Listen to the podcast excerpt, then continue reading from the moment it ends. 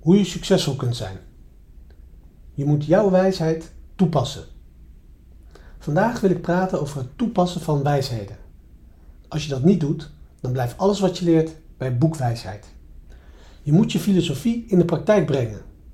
Dat is het meest belangrijke wat je ermee kan doen. Phil Jackson, een van de beste Amerikaanse coaches in de geschiedenis, zegt: Je bent alleen een succes op het moment dat je een succesvolle handeling uitvoert. Je moet het opnieuw doen. Nog een keer. Je bent pas een succes op het moment dat je succesvolle handeling verricht. Je moet het steeds opnieuw doen. En jij? Ben jij de type persoon die wijsheden toepast of er alleen maar over praat? Misschien is vandaag wel een goede dag om hiermee te starten.